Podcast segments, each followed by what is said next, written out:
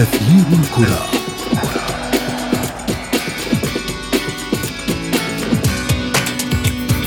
ضوء العودة يطل من جديد على معظم دوريات كرة القدم في العالم والدوري السعودي يبشر باقتراب هذا الضوء من عالم المستدير في الوطن العربي. معوقات يحاول المسؤولون تخطيها في ضوء الرغبة في معاودة النشاط بعد الركود الذي تسبب فيه شبح كورونا. ونحن في أثير الكرة. نبحث في كل هذا وأكثر. معي أنا محمد عبد السلام والانطلاقة من العناوين. وزارة الرياضة السعودية تعطي الضوء الأخضر لاستئناف النشاط الرياضي في المملكة. ما بين الترحيب والتحفظ على قرار الاستئناف أندية الدوري السعودي تبدأ في التجهيز للعودة إلى التدريبات. في فقرة ما لا تعرفونه عن كرة القدم نتعرف على بعض أغرب قصص الانتقالات في التاريخ.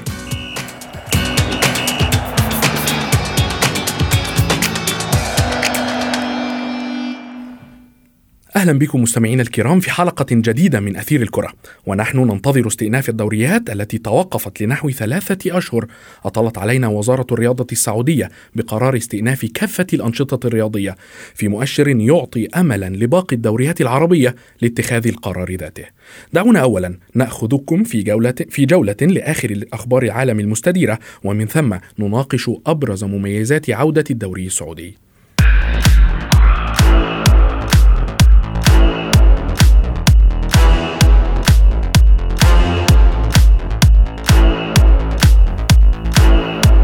في الليغا. واصل ريال مدريد مطاردة غريمه التقليدي برشلونة المتصدر بالفوز على ضيفه إيبار بثلاثة أهداف مقابل هدف. بهذا الفوز رفع ريال مدريد رصيده إلى 59 نقطة في المركز الثاني محافظا على فارق النقطتين بينه وبين برشلونة. فيما اكتفى أتلتيكو مدريد بالتعادل مع مضيفه أتلتيكو بلباو بهدف لكل منهما رافعا رصيده إلى 46 نقطة في المركز السادس.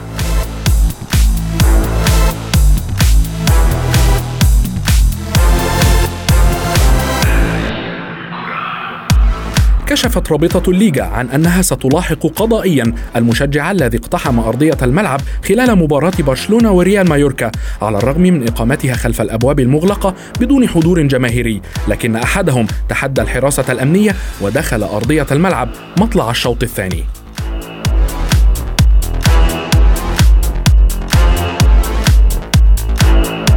في البوندسليغا تمسك ليفركوزن بآماله في إنهاء الموسم في أحد المراكز المؤهلة لدوري أبطال أوروبا بعد تعادله مع مضيفه شالكا بهدف لمثله قبل ثلاث جولات من نهاية الموسم. ليرفع بذلك ليفركوزن رصيده إلى 57 نقطة بفارق نقطة وحيدة عن مونشنجلادباخ الخامس.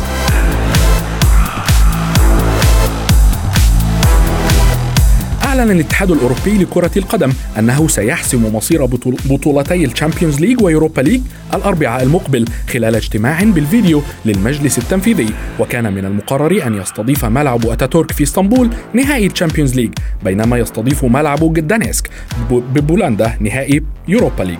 وحسب العديد من التقارير فإن اليويفا استقر على استكمال الشامبيونز ليج بمدينة لشبونة. كما سيناقش اليويفا ملاعب ومدن بطولة أمم أوروبا المؤجلة للعام القادم.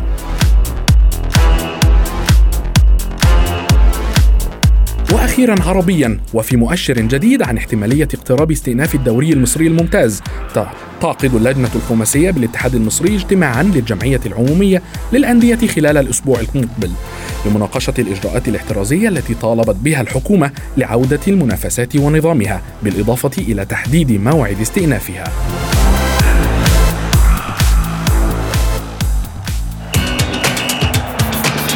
أثير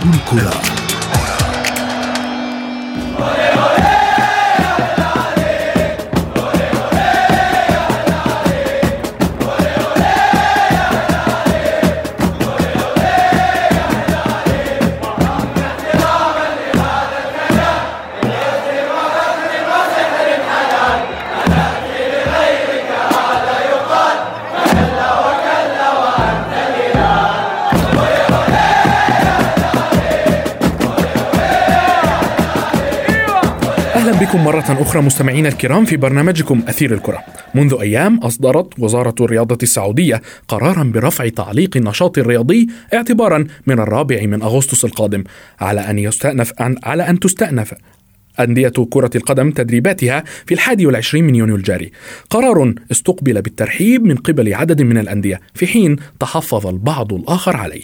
للحديث أكثر بشأن هذا القرار أو هذه العودة المرتقبة للدوري السعودي ينضم إلينا من الرياض الصحفي الرياضي منصور الجبرتي. مرحبا سيد منصور. يا أهلا ومرحبا فيك أهلا وسهلا. سيد منصور آه، العودة والقرار لقى العديد من الإشادة والترحيب ولكن في ذات الوقت كان هناك آه، تحفظ من بعض الأندية.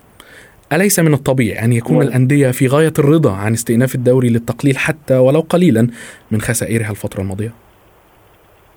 وهي تختلف من وجهة النظر. يعني أنا كمشجع كمراقب كمتابع أعشق مباريات كرة القدم. افتقدتها لمدة ثلاثة شهور.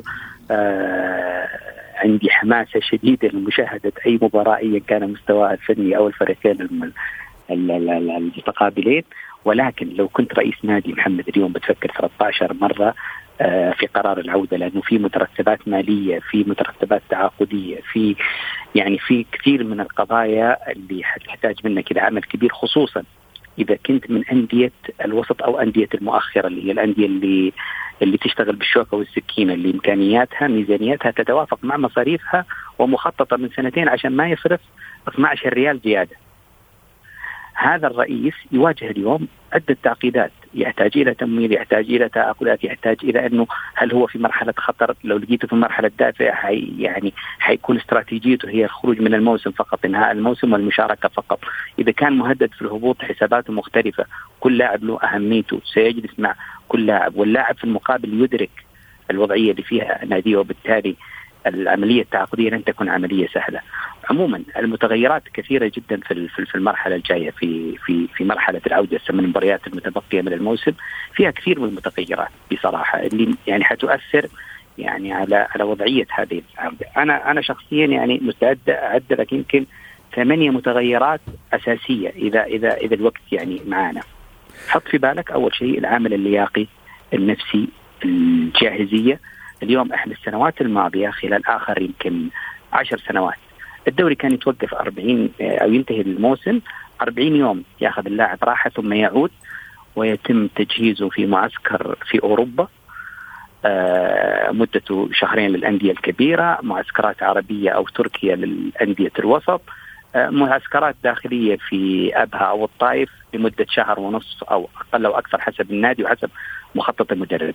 اليوم أنت تتكلم عن توقف ثلاثة شهور اللاعب لم يمارس فيها رياضته الطبيعية. نعم إنها فترة ليست قصيرة حتى إنها تتجاوز إجازة نهاية الموسم طيب. بالطبع. إيه إحنا نتكلم عن عن 40 يوم وكان يتم إعادته في شهر ونص في أوروبا وفي معسكر مغلق. اليوم تتكلم عن إعداد في يوليو وأوغست مباريات في أوغست. أوغست أشد يعني المواسم في منطقة الخليج حرارة. وإعداد داخلي وانقطع عن الممارسة الرياضية لمدة ثلاثة أشهر، أنت ما تضمن إن كل اللاعبين على نفس الوعي خاصة إنه الحالة النفسية. يعني اليوم إحنا كأفراد مش كلاعبين مثلا بعد شهر ونص من الحجر دخلنا في المود النازل. يعني صارت تبحث عن أي فرصة للترفيه، تبحث عن قنوات الترفيه، تبحث أستاذ عن منصور. تخليت عن بعض ممارساتك اليومية. بالحديث بالحديث عن عن فترة الإعداد تحديدا. هل تعتقد أن الفترة التي أعطتها وزارة الرياضة للأندية كافية للإعداد البدني والنفسي وحتى حساسية الملعب لدى اللاعبين فقط من واحد من من الحادي والعشرين من يونيو الجاري حتى الرابع من أغسطس. انه إنها فترة أقل من شهر ونصف أعتقد. صحيح هي تقريبا في حدود ال 40 إلى 45 يوم. هي كافية لتجهيز لاعب في وضع عادي. ولكن في الظروف اللي إحنا فيها والانقطاع اللي تكلمنا عنه ثلاثة أشهر وفترة صيف وأجواء داخلية وعودة يعني بعد العودة حط في اعتبارك إنه أنت تتكلم عن ثمان مباريات حاسمة في فترة وجيزة خلال شهر أو شهر وشوي. فبالتالي حتى ضغط المباريات بالنسبة للعودة ومقارنه بالجاهزية يعتبر عالي جدا على اللاعب. ولذلك أنا أتوقع في هذه المرحلة آآ آه، آآ آه، أن يعاني مدربي اللياقه كثيرا يعانون من حالة الإصابات العضلية. ربما أيضا يعني أعتقد إنه مسألة تغيير اللاعبين وتغيير المباريات سيكون يعني آه، قائم عند المدربين آه، إعادة تدوير اللاعبين في المباريات بحيث إنه يضمن استمرار الجاهزية وعدم الخضوع للإصابات وعطاء أكبر. نعم وأقر أيضا الاتحاد السعودي لكرة القدم آه، خمس تبديلات في كل مباراة.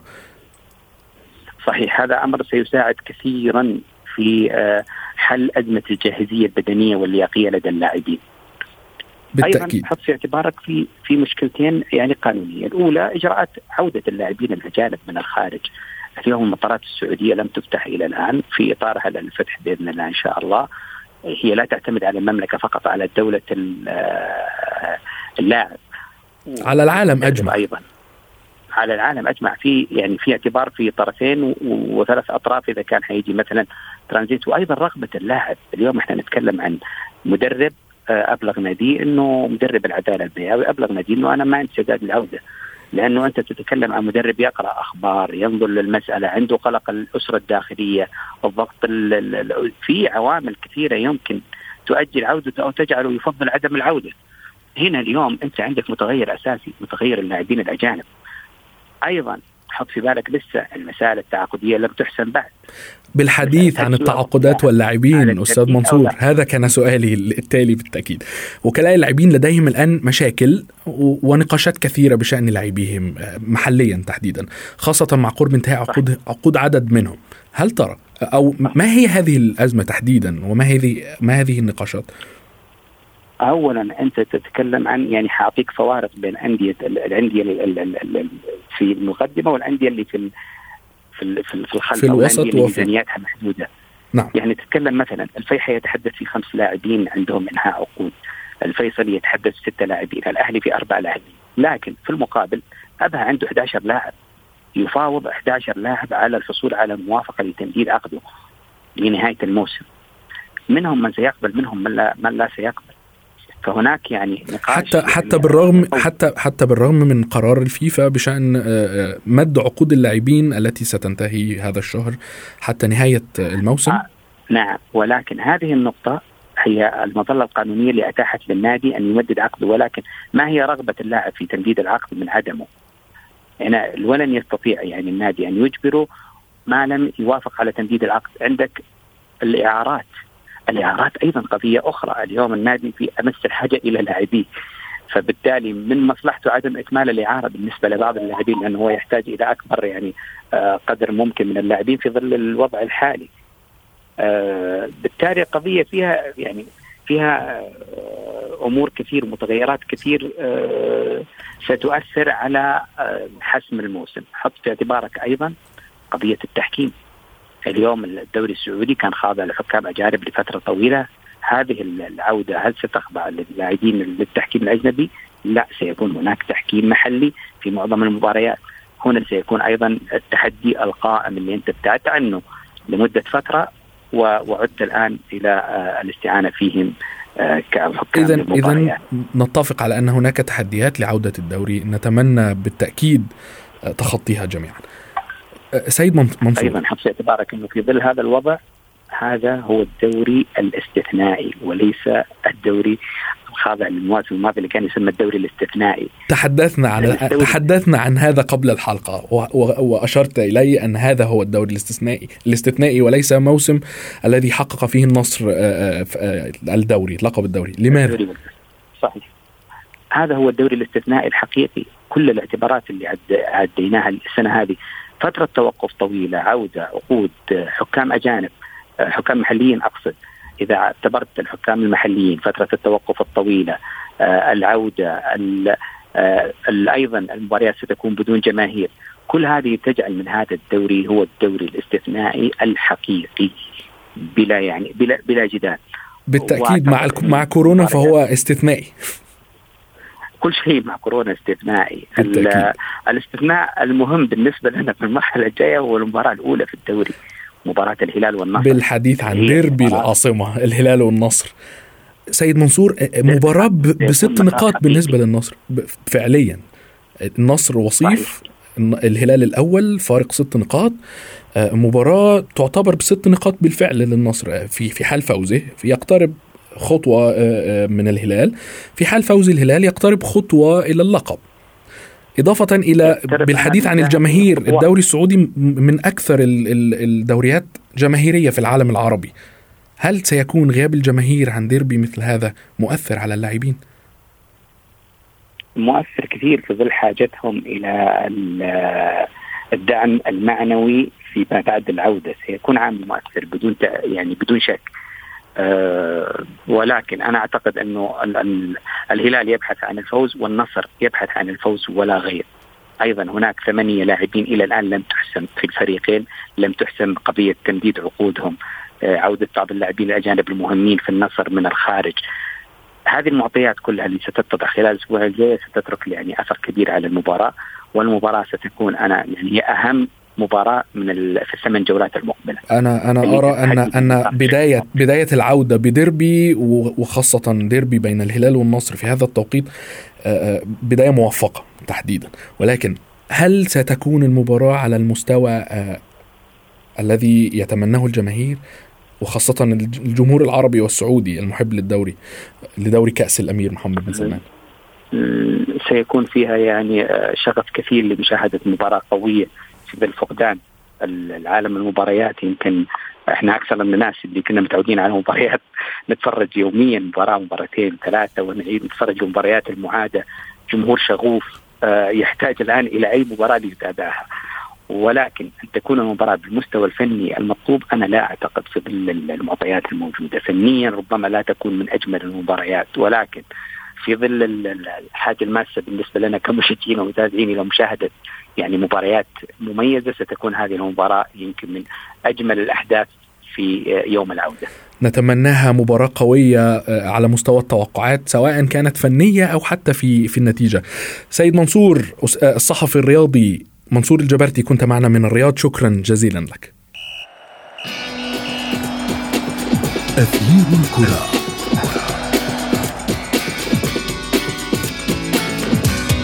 وصلنا وإياكم مستمعينا الكرام إلى آخر فقرات برنامجنا. ما لا تعرفونه عن كرة القدم.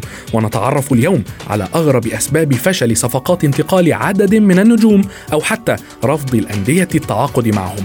أولا المهاجم البولندي روبرت ليفاندوفسكي نجم بايرن ميونخ الحالي وهداف البوندسليغا حيث كان على أعتاب الانضمام إلى نادي بلاكبيرن الإنجليزي عام 2005 2010 مقابل 4 ملايين جنيه استرليني. لكن الصفقة فشلت بسبب سحابة بركانية تسببت في تعطيل بعض الرحلات الجوية حول أوروبا. ثانيا الحارس الإسباني ديفيد ديخيا الذي كان يحلم بالانتقال إلى صفوف ريال مدريد والرحيل عن مانشستر يونايتد عام 2015 ولكن الصفقة فشلت بسبب عدم تحميل وثائق ديخيا وإرسالها عن طريق الفاكس في الوقت المناسب قبل إغلاق سوق الانتقالات وأخيرا وليس آخرا بالطبع النجم الفرنسي زين الدين زيدان حيث رفض رئيس نادي بلاكبيرن الإنجليزي أيضا التعاقد معه عام 1995 حينما كان يلعب زيزو لنادي بوردو الفرنسي معللا رفضه بأن لديه تيم شيرود فلماذا يتعاقد مع زيدان؟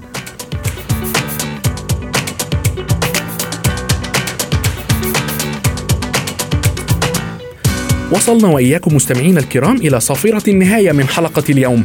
ولمن فاتته الحلقة يمكنه متابعتها على بودكاست سكاي نيوز عربية.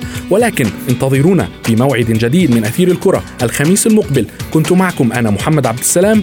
إلى اللقاء. أثير الكرة.